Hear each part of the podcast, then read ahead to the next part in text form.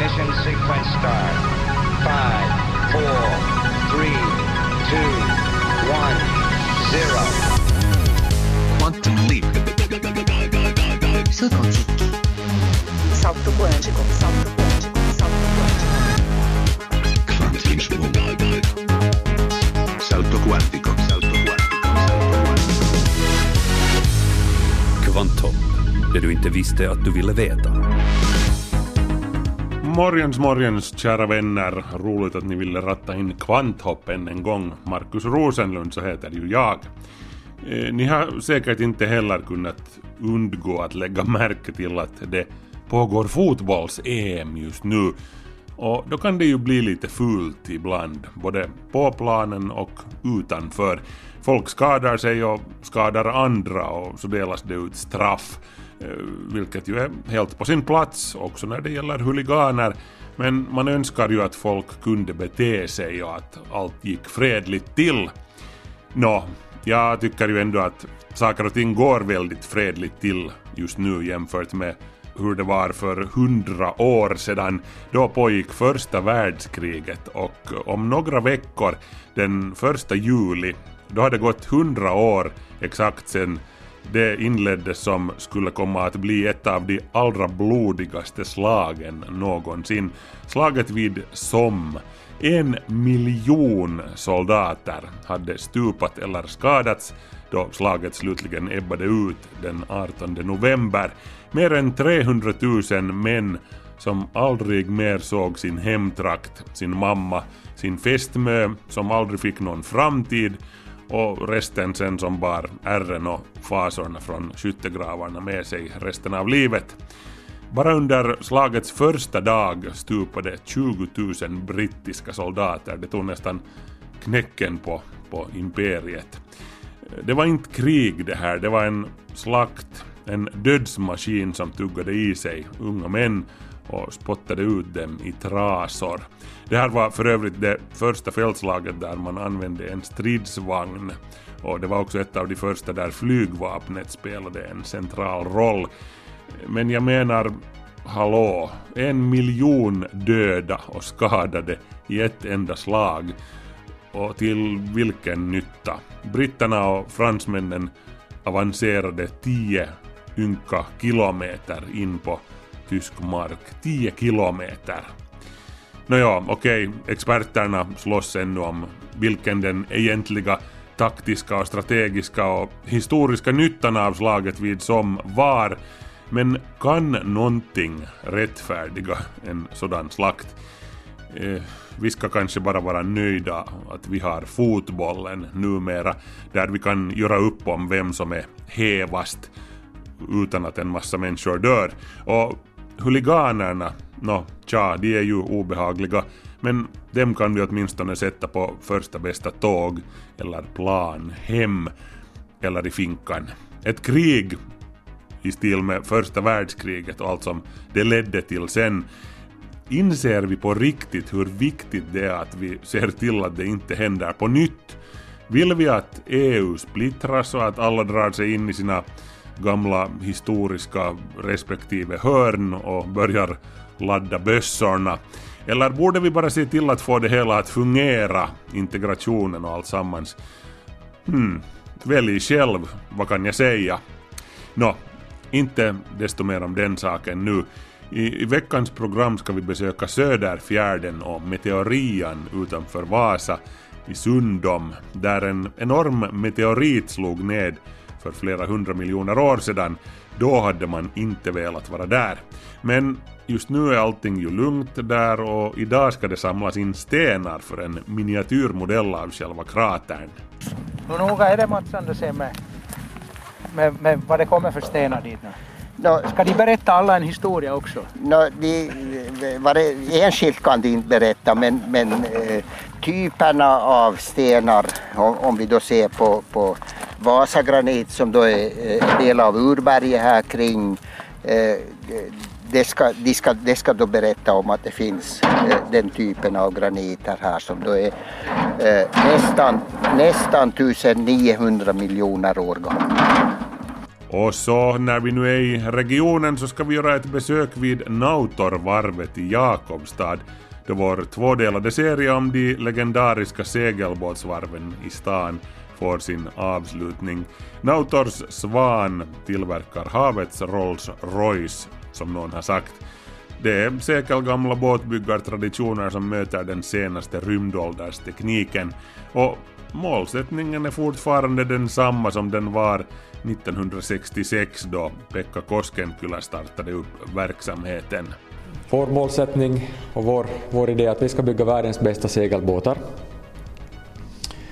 Vi ska bygga dem i, i moderna material med, med moderna metoder. Vi ska göra det med ett gott österbottniskt hantverk. De ska byggas till, till yppersta kvalitet och vi ska göra det i serieproduktion.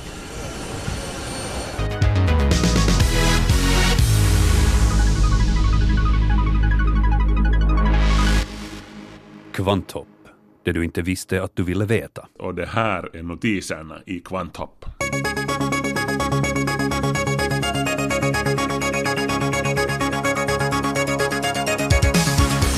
Hör du till dem som fortfarande har möjligheten att sitta under stjärnhimlen och drömma dig bort under stjärnklara, kalla höstkvällar? Grattis i så fall, för som BBC rapporterar så är ljusföroreningen så utbredd på jorden just nu att en tredjedel av världens befolkning i praktiken aldrig ser stjärnor, om de inte slår sig i huvudet. 80 procent av de bebodda delarna av världen är ljusförorenade till den grad att det är svårt att se stjärnorna om nätterna. I Europa är siffran nästan 99 procent. De tre mest ljusförorenade områdena i världen är Singapore, Kuwait och Qatar. Bästa chansen till en icke ljusförorenad natthimmel har de som bor i Chad, Centralafrikanska republiken och på Madagaskar. Ljusföroreningen påverkar inte bara djur och växtlivet, det orsakar också hälsoproblem hos människor, bland annat sömnstörningar. Eh, enligt en expert som BBC har talat med skulle det vara relativt lätt att åtgärda det här problemet genom att rikta gatubelysningen och städernas övriga ljus bättre och uttryckligen då nedåt. Nu rymmer en stor del av ljuset upp i skyn och orsakar just det där som kallas ljusförorening. Våra TV-apparater blir bara större. Elektronikkedjan Giganti rapporterar att försäljningen av jätteskärmar i storleksklassen 65 tum och större har ökat allra mest under de senaste åren. Där har ökningen varit hela 747 procent sedan samma tid i fjol. Till och med skärmar i 80-tumsklassen går åt som smör sägs det. Ser man på marknaden som helhet så är det hur som helst 55-tums TVn som säljer allra bäst just nu mätt i absoluta mängden sålda skärmar. Elektronikhandlarna noterar alltid en klar uppgång i försäljningen av TV-apparater inför stora idrottsevenemang som ishockey-VM, det just nu pågående fotbolls-EM och så har vi ju OS i Rio på kommande också, så det är bråda dagar i elektronikhandeln just nu.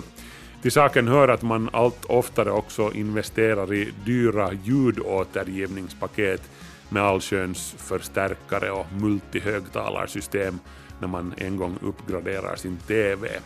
Ja, annat var det förr när 24 tums TV ansågs stort och det är inte så länge sedan. Robotarna kommer och tar våra arbetsplatser sägs det ju, men ett skrå som kan sova rätt lugnt tills vidare är manusförfattarna för film och TV. Ett amerikanskt filmteam beslöt sig för att testa vad som händer när man matar manuskript från gamla filmer åt en artificiell intelligens, en så kallad sådan i alla fall, ett neuralt nätverk kallat Benjamin, som för övrigt har döpt sig själv så. Eh, bland manuskripten som Benjamin studerade fanns filmer som Ghostbusters, Fifth Element och Interstellar. Eh, resultatet var ett manuskript för en kortfilm med science fiction som tema och teamet måste ju naturligtvis spela in det hela också. Nio minuter lång blev kortfilmen som heter Sunspring In a future with mass unemployment, young people are forced to sell blood. Something I can do. You should see the boy and shut up. I was the one who was going to be a hundred years old. Och tja, var och en kan ju döma själv. Jag lägger upp en länk på Kvanthopps Facebook-sida så kan ni gå dit och titta. Men vi kan ju säga som så att dialogen den har nog varken huvud eller fötter. Även om skådespelarna gör sitt bästa och det hela är rätt så väl dramatiserat nog på ett väldigt udda Doctor Who möter The Office möter Emmerdale eller någonting.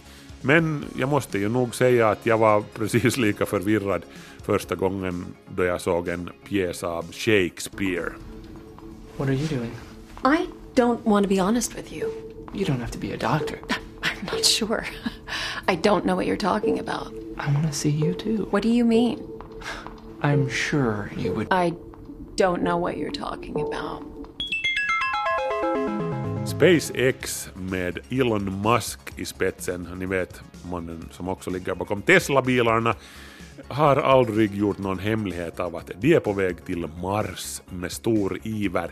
Och så bra är Musk på att snacka att NASA nu på allvar har gett sig in i leken och väger sina alternativ inför nästa så kallade avfyrningsfönster som öppnar sig var 26 månad när det är som mest optimalt att resa iväg om man vill komma fram till den röda planeten så fort och billigt som möjligt.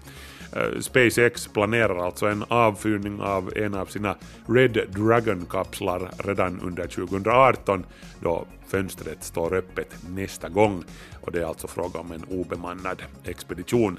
Eh, NASA menar att man knappast hinner få till stånd något storskaligt vetenskapligt experiment till 2018 års avfyrning men att man hur som helst är intresserad av att ta del av landningsdatan som SpaceX eventuellt får till stånd den gången. 2020 är sen nästa fönster öppet och då tror NASA att de kommer att vara med till 100% med experiment som huvudsakligen koncentrerar sig på att utreda möjligheterna att utnyttja det vatten som finns på Mars till nyttiga ändamål för eventuella framtida astronauter och rent av kolonier, omvandla vattnet till syre, vete och metan att andas och som bränsle. Det här är något som måste göras innan vi kan skicka en bemannad expedition dit, säger en NASA-chef som Washington Post citerar.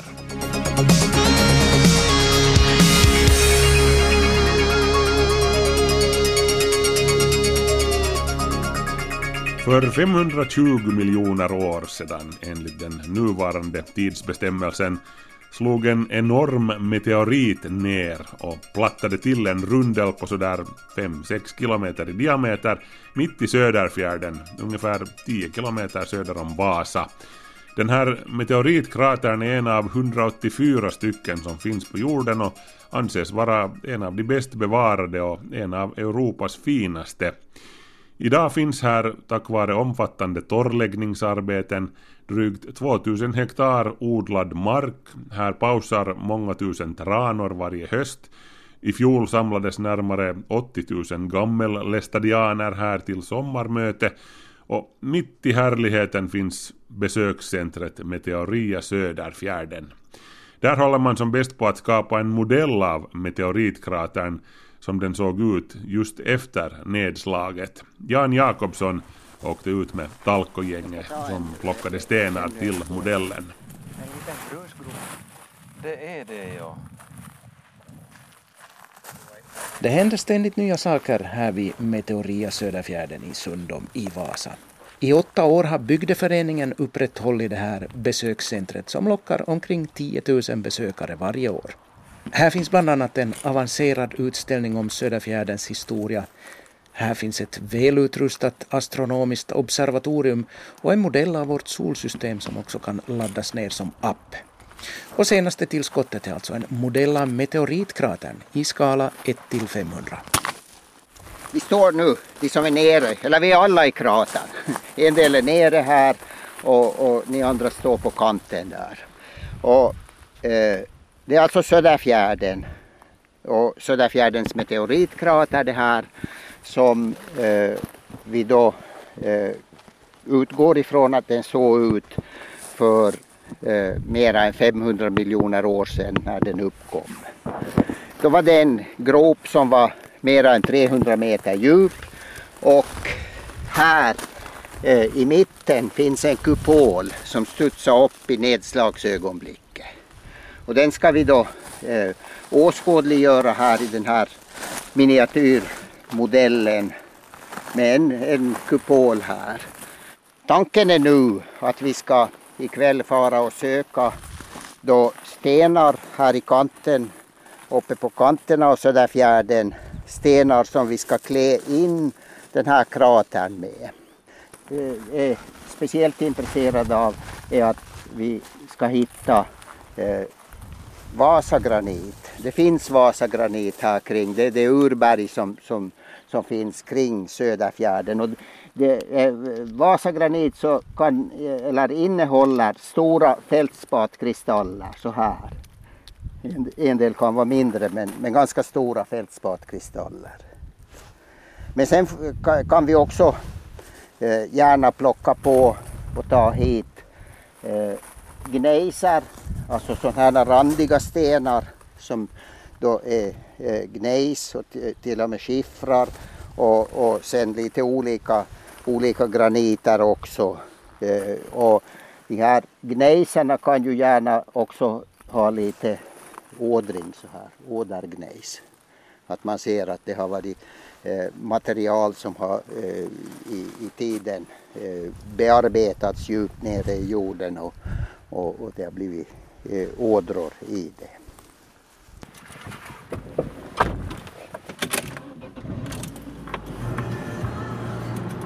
Jaha, då kör vi iväg och plockar stenar till eh, den här modellen av kratern som ska uppföras här vid Meteorian som då ligger vi Söderfjärden. Vi är på Sundomsidan nu och det betyder att det här är, hör då till Vasa annars är det Söderfjärden går över sträcker sig in i tre kommuner. Förutom Vasa är det då Korsholm och Malax. Och nu åker vi mot Malaxhållet tydligen. Det är bara att haka på.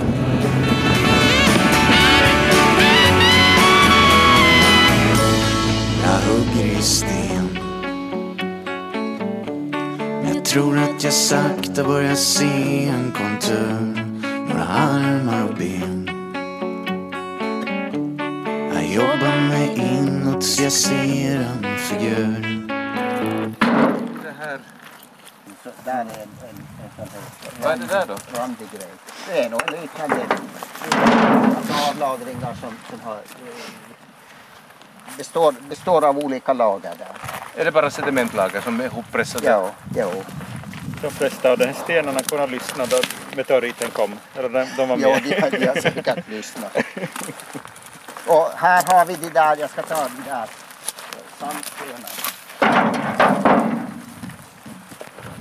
Samma ska vi göra med de här också. Hur noga är det Mats Andersén med, med, med vad det kommer för stenar dit nu? Ska de berätta alla en historia också? No, de, det, enskilt kan de inte berätta men, men eh, typerna av stenar om, om vi då ser på, på Vasagranit som då är eh, en del av urberget här kring eh, det ska, de ska, de ska då berätta om att det finns eh, den typen av graniter här som då är eh, nästan, nästan 1900 miljoner år gamla. Och sen finns det då eh, sådana som har blivit eh, förändrade gnejsar som kan vara ådrade, väldigt eh, kurviga, eh, väck, väck, vä, veckade och, och en del eh, andra eh, som vi nu redan har sett här på den här början av insamlingen. Och de yngsta är då eh, kambriska sandstenar som är lite på 500 miljoner. Som jag lite- håller här i handen. Det är lite sådär jäm- jämnårigt med, med den fjärden. Det, det är eh, eh, sand och lera som har avlagrats ner i, ner i Söderfjärden och packats ihop till, till sten. Då. Man hör att det är faktiskt eh, riktiga stenar. Och man kan ännu se de här lagren i de här kambriska sandstenarna. Så har ni talkogäng här som, som jobbar som sa, samlar sten. Är det, är det mycket så här det, det liksom drivs det här? Med att man, man samlas och, ja, som Kjell sa där, och arbetar i laget? Ja. Jo, det är en, en, en viktig del av det här eftersom det är bygdeföreningen som äger Meteorian och vi har ju samarbetspartner då i, i, i Astronomiska föreningen i Vasa, Andromeda och som, som Hans Lindén representerar här ikväll. Det är nog en kanal för, för byborna som, som tycker om den här delen av verksamheten så, så kan man träffas och hjälpa till lite och trivas och bara jobba i lag faktiskt. Det, jag, jag funderar ganska mycket på det att, jo. att så här var det nog tidigare när man behövde något, ha någonting gjort i byn så samlades man. Men samtidigt har vi ju då på, i, i andra kanten har vi ju då de här kontakterna till eh, universitet, och, och, universitet och forskningsinstitutioner. Eh, vi var ju här bara för två dagar sedan var vi med en eh, professor emeritus i geologi eh, här på, på det här stället, Lauri Pesonen från Helsingfors och, och tittade om vi skulle hitta, hitta spår av kratern här. Och, och, och just de här sandstenarna är ju ett, ett spår från kratern. Det här, är liksom, det, här, det här är ju den här hållbara delen av det här projektet. Om man tänker, man tänker att Finland är fullt med turistprojekt. Och så försöker man bygga upp det ena efter det andra. Och mera innehåll och mindre innehåll och mindre gungor och mera gungor.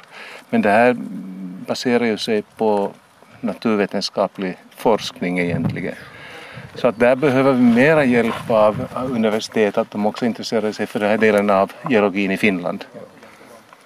Och då, vi få, då får vi hållbart material som man kan använda i undervisningen och visa på att så här är det. Och vi har inte behövt gå till USA eller till Ryssland eller till något annat ställe utan vi, vi forskar, i, vi gräver där vi står så att säga. Men ganska unikt kapitel.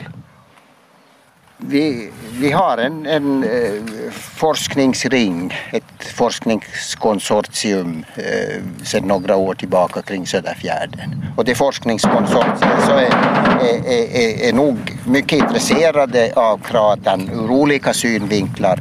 Men eh, oftast så, så hänger då de här möjligheterna... Kanske vi ska gå, gå en bit bort så slipper de vara så försiktiga med stenarna.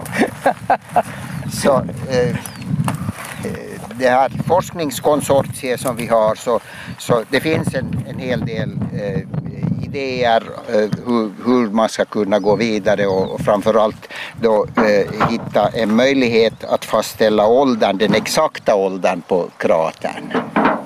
Eh, vi talar nu om 520 miljoner år men eh, det finns en eh, åldersbestämning som säger att det kan vara 640 miljoner år och till och med äldre.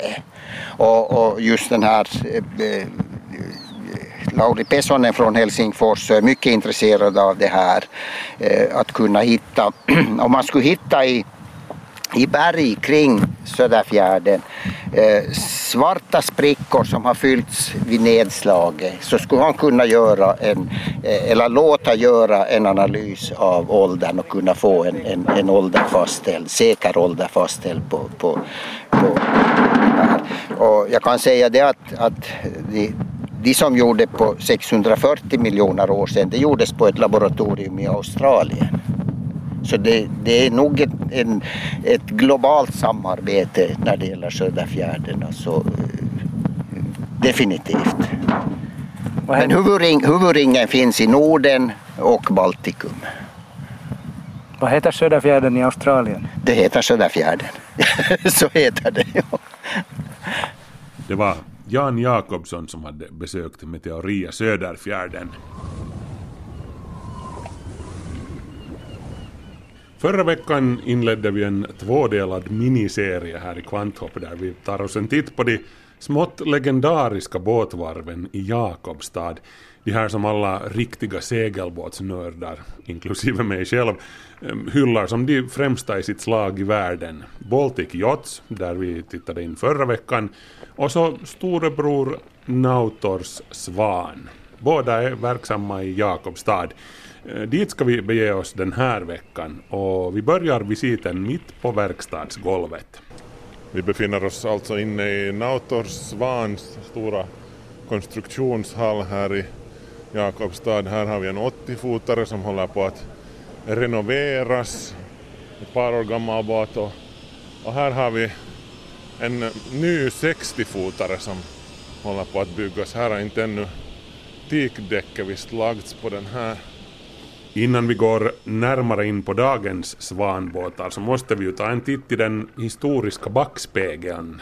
För att vi bättre ska förstå varför det finns en sådan djupt rotad tradition av båtbyggande just i den här trakten.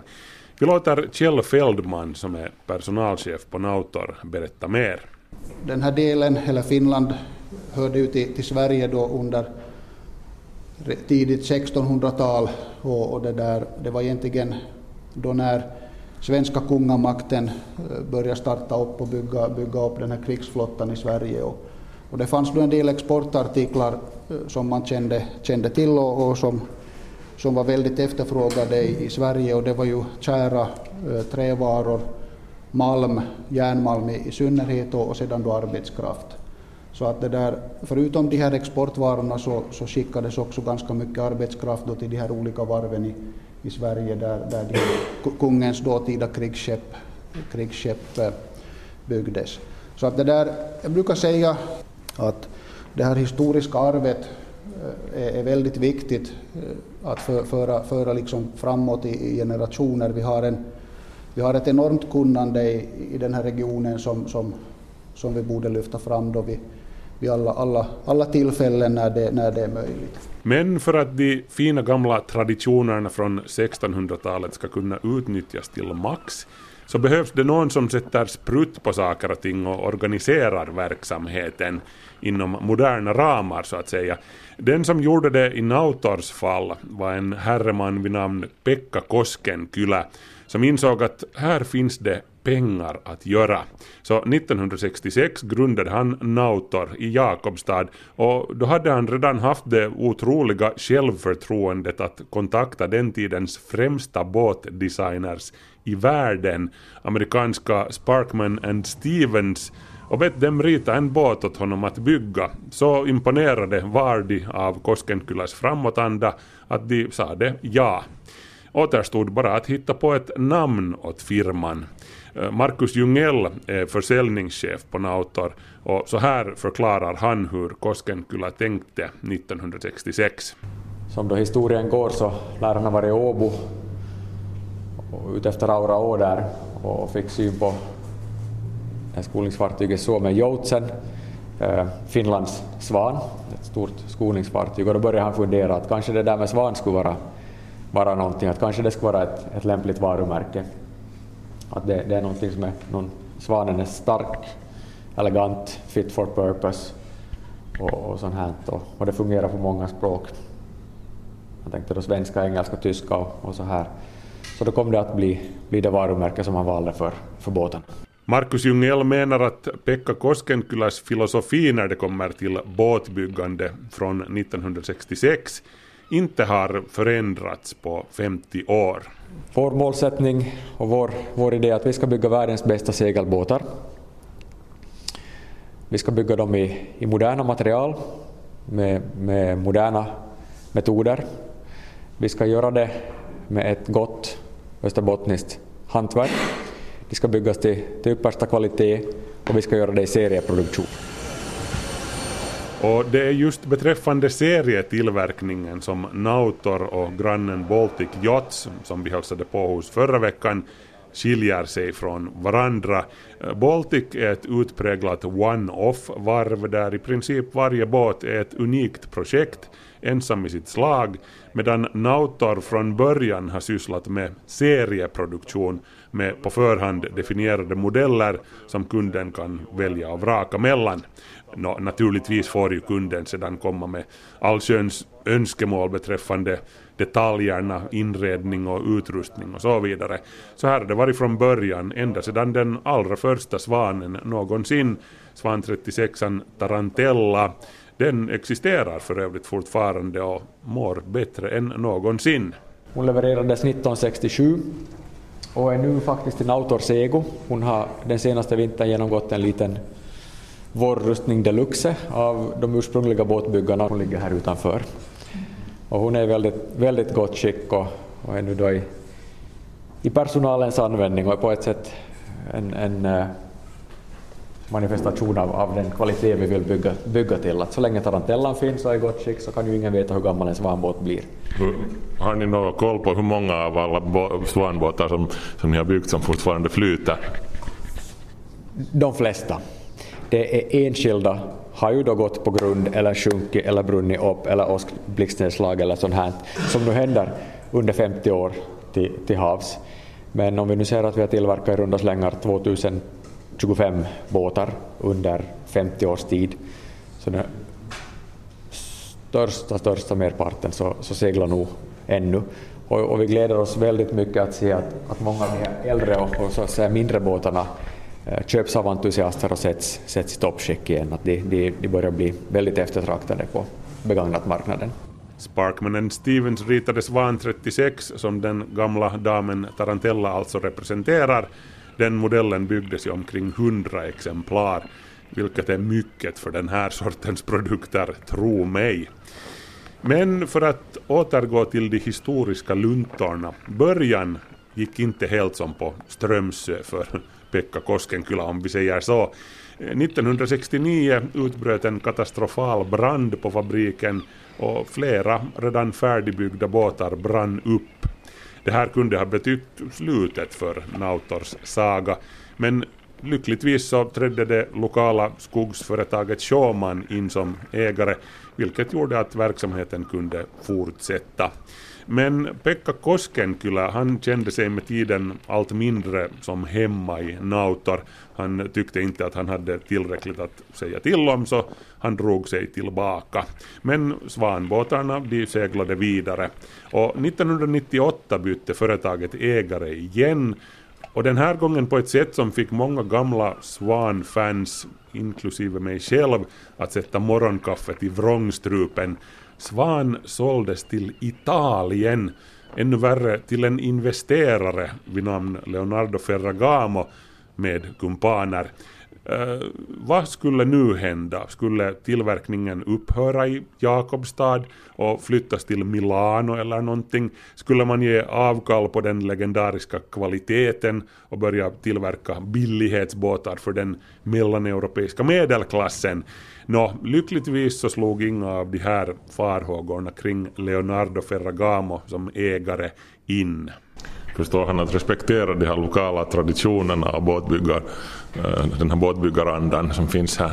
Ja, nu är han ju väldigt ödmjuk inför, inför den hantverkskunskap som finns här och, och de, de traditioner. Och, och ett väldigt starkt bevis på det är ju att, att vi, vi fortfarande är kvar här i Österbotten och, och dessutom utvecklar vår verksamhet och, och ganska aktivt kommer ut med nya modeller och sånt. Att inte... Nej, inte verkar Nautor vara på väg någonstans från Jakobstad och vi ska hoppas att det fortsätter vara så också i framtiden. Däremot har de italienska ägarna en helt egen klart definierad roll och arbetsfördelningen mellan dem och Jakobstad verkar funka bra om man får tro Kjell Feldman. Jag brukar säga på det sättet att, att, att det här med den här nya det här nya, nya upplägget så, så, så, blir vi ganska starka. Om, om vi står för båtbyggarkunskapen och italienarna för marknadsföringen och, och designen och, och, allt det här så då, då, då kommer vi ganska långt på väg.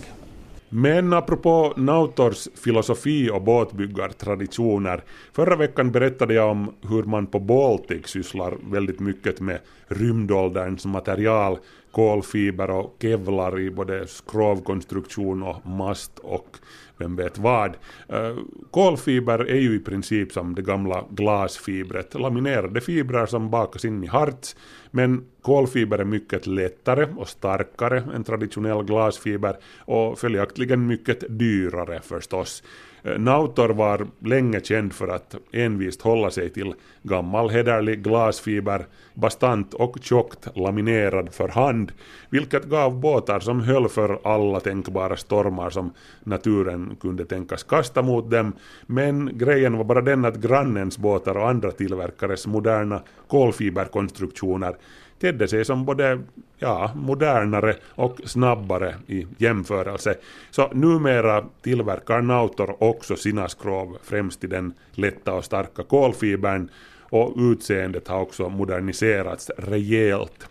Trots att Nautors båtar fortfarande ritas av den argentinske designern Germán Frers, eh, Nautors hovdesigner som man har anlitat sedan 80-talet. Och de gamla materialen, de är inte heller bortglömda. Är det här gamla glasfibermaterialet, är det helt begravt att det, det används inte? Nej, det används nog. Vi har, vi har en modell, faktiskt en helt ny modell, Svan 54, som byggs i glasfiber. Så det beror helt på användningsändamål eller vilken sorts båt, båt som vi ska tillverka. Det är nog mera de här prestandaorienterade båtarna får, får de här mer avancerade kolfiber med just den, den nya 54 som är en, en genuin gedigen långfärdsbåt. Så hon har faktiskt eh, monolitisk glasfiber under vattenlinjen. Eh, ovanför vattenlinjen fortfarande glasfiber men med skumkärna. Så att, att det, här, det är nog helt användningsändamålet som, som avgör. Och glasfiber är fortfarande ett jättebra material kan förekomma stora variationer i, i olika sätt att bygga glasfiber. Och, och förstås har ju de metoderna gått framåt också, men nu går det ju mer och mer mot kol. Har vi också sådana här hybridlaminat, var vi använder glas i ytterskalet, skumkärna och kolfiber på insidan. Mm, vad, vad, är det här skum, vad består skummet av? Det är Divinucell, en sån där uh, closed cell, uh, ett closed cell skum som inte då suger i sig vatten, att om man får en skada eller någonting så, så sprider inte sig det där vattnet. Ja. Uh, äldre tidens seglare så byggde också båtar i med kärna och då var det balsaträ i kärnan och då var det värre om man fick en skada för då det sög det ju i sig och så delaminerade och, och hade sig. Ja. Men det där kan användas just om man vill ha ett, ett ganska lätt och styvt laminat men ändå vill ha lite mera slagtålighet och, och, och sånt i, i ytterskalet. Där fick ni segelbåtskonstruktionsteknik så att ni blev nöjda hoppas jag. Eh, nu ska vi bege oss ut i fabrikshallen och ta en titt på några nybyggen som tar form där. Här ser vi alltså den nya modellen Svan 95, 95 fot. Vad blir det? Vad är 95 fot i, i meter? Det blir 28 meter va? Nej, 29 meter. Just så. Svan 95, 29 meter lång och här ryms hela familjen med. Svärmor får en egen hytt och, barnen får... Och barnvakten. Ja, precis. Och besättningen och trädgårdsmästaren och butlern och och det där och allesammans ryms med här. Och det här är alltså den första Svan 95 i, i serien som byggs här. Och att bygga en sån här tar sin tid, säger Kjell Feldman. De, de här stora båtarna, 100 fot och uppåt, så i, i princip ett och ett halvt till två år inne, inne i hallen. Och till det kommer då, om det är verkligt stor båt, så kommer då förstås planeringstid och, och, allt det här så att vår största båt som vi har byggt genom tiderna så är en 131 fotare, den är 40 meter, Eh, blev färdig 2006 och den höll vi på med i två och ett halvt år. Så det var, men det var, ett, det var ett jättestort projekt. Alla företag har ju sina egna funderingar och metoder när det gäller kvalitetskontroll och jag måste fråga Markus Jungell beträffande en tja, urban skröna kanske rörande Nautors påstådda sätt att försäkra sig om att deras konstruktionsdetaljer säkert är bombsäkra. Jag läste någonstans någon gång att eh, för att testa vissa beslag och saker och ting hoppar era anställda jämfota upp och ner på dem för att se om de böjs. Det, det här sägs att det var en, en det här, eh, någon, något agent, någon agent från Amerika tidigare som var ganska omfångsrik som kom hit för att, att testa de här grejerna. Om inte höll, höll att man hoppade på det så dög det inte. Men. Nej, nu testar vi allting väldigt omsorgsfullt, just att alla, alla luckor är vattentäta och de ska tåla en, en två meters vattenpelare och, och sånt här. Men det finns väl andra, andra metoder idag att testa något rent konkret hoppa på det.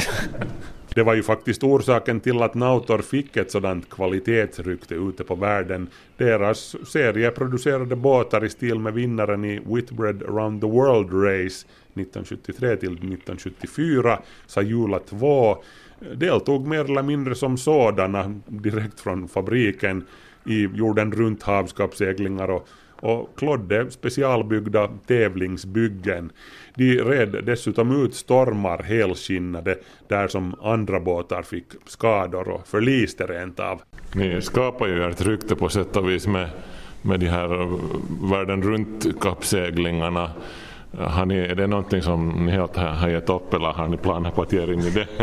Nej, no, de, de har nog kommit att bli så, så ska vi säga avancerade byggen som är, Eh, är ju nog mera sportredskap än, än, än långfärdsseglingsbåtar och mera det där så, så vi, jag tror att vi, vi odlar, odlar vårt rykte på, på andra arenor. Mm, då är, ska vi säga, regatta så, så mera de här entypsregattorna, Klubbsvan 50-klassen kommer att växa till sig och bli stor. 60-fotarna kan man segla världsmästerskap i, 45orna likaså. Och, och att, att i den och sen, sen ska vi se mera den här via våra egna regattor då, Rolex Swan Cup och, och Swan European Cup. Men en, en, en viss eh, regattasegling hör nog till varumärket och till profilen. Dagens moderna svanar med sina breda aktrar och lätta kolfiberskrov är ju förstås fina och så de också. Men för mig är det just de här gamla klassiska svanarna från 70 och 80-talen i stil med Ketchen Svan 65 ritad av spakmannen Stevens som representerar det allra finaste i svanandan. Svan 65 med sina klassiska smäckra svepande linjer är någonting av det vackraste som någon människa har designat någonsin, alla kategorier, så säger jag. Den modellen har ju inte tillverkats på flera årtionden nu, men skulle Nautor kunna tänka sig att göra ett undantag och damma av de gamla ritningarna för ett fan? Om, om någon vill uh, ha nödvändigtvis en någon drömmer om att äga en uh, gammal Sparkmannen Stevens Svan 65 Ketch och är beredd att betala för det. Bygger ni en sån åt, åt den här personen? Det är nog någonting vi kommer att överväga i alla fall men, men det blir nog ja, det blir ju ett, ett, ett one-off projekt och, och det, du sa det där, om någon är beredd att betala för det så. Men det var ett eh, välvalt exempel för att den här 65 är ju en, en sån här legendarisk modell som, som det här eh, Jag vill ha en sån. vi kan diskutera här efteråt och se vad vi kommer fram till. Kvanthopp snabela yle.fi. Nu är det dags för vår serie om tillsatsämnena. E-nummerlotteriet, varsågoda. Kvanthopp presenterar veckans E-nummer. Och veckans nummer är E296 äppelsyra. När du ser det här E-numret på en förpackning så betyder det att äppelsyra har använts som konserveringsmedel.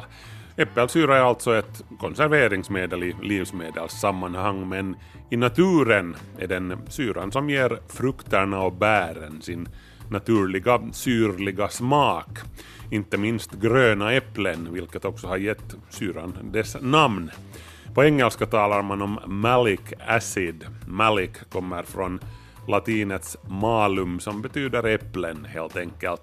På tyska heter det äppelsäure av samma orsak. Men vill du ha en riktigt rejäl dos äppelsyra i dig omedelbart så gå iväg till närmaste rabarberland och, och ta dig några kälkar och tugga om du vågar. Rabarber är sällsynt rikt på äppelsyra, det är just den som ger rabarbern sin smak. Och just nu är det ju prima rabarbersäsong så det är bara att passa på och ta för sig. Rönnbär är en annan riklig källa till äppelsyra, liksom också vattenmelon och körsbär och druvor förstås. Syrligt vin är syrligt just på grund av äppelsyran som kan uppnå så pass höga halter som 5 gram per liter i riktigt syrligt vin. Ju mognare druvor desto mindre äppelsyra finns det i dem som tumregel. Och är du av den sorten som gillar sura saker så är det i princip bara att tuta och köra.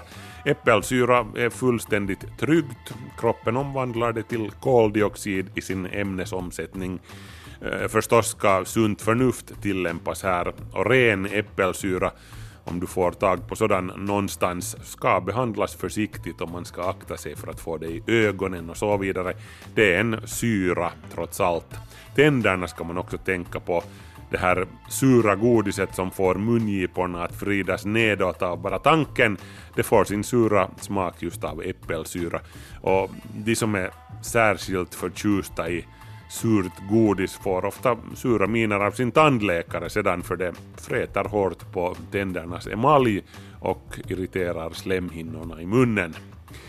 Även om äppelsyra i princip är fullständigt naturligt och ofarligt så ska man ändå ta det lugnt innan man snöar in totalt på alla de alternativmedicin och hälsosajter som kränger äppelsyra tillskott med motiveringen att det är så jäkla bra för dig. Det binder tungmetaller, nå, det gör det ju i och för sig. Det gör din hyslät som silke, vilket i princip är sant och därför använder sminktillverkarna det i de här så kallade peelingkrämerna och liknande som avlägsnar döda hudceller och rengör huden. Men du uppnår i princip samma sak mycket billigare genom att lägga skivade gröna äpplen på huden och chilla i soffan medan du läser tidningen med papiljotter på håret, kom ihåg det för att bilden ska vara komplett. Eh, kom bara ihåg att vi talar om en syra, alltså en syra som också används inom verkstadsindustrin till att rengöra metallytor. 5% av den årliga produktionen av äppelsyra går åt just till det ändamålet. Sen finns det också allsköns sajter som säljer äppelsyra som ett botemedel mot eh, fibromyalgi och kroniskt trötthetssyndrom eller CFS. Och här ska man nog definitivt tala med sin doktor innan man surfar iväg och köper en massa dyra äppelsyrepiller. Du har hört Quantops serie om E-nummer, E296, äppelsyra. Nästa vecka lottar vi ut ett nytt tillsatsämne. Markus Rosenlund så heter jag som nu säger tack så mycket för sällskapet och vi hörs igen om en vecka. Ha det så bra till dess, hej så länge!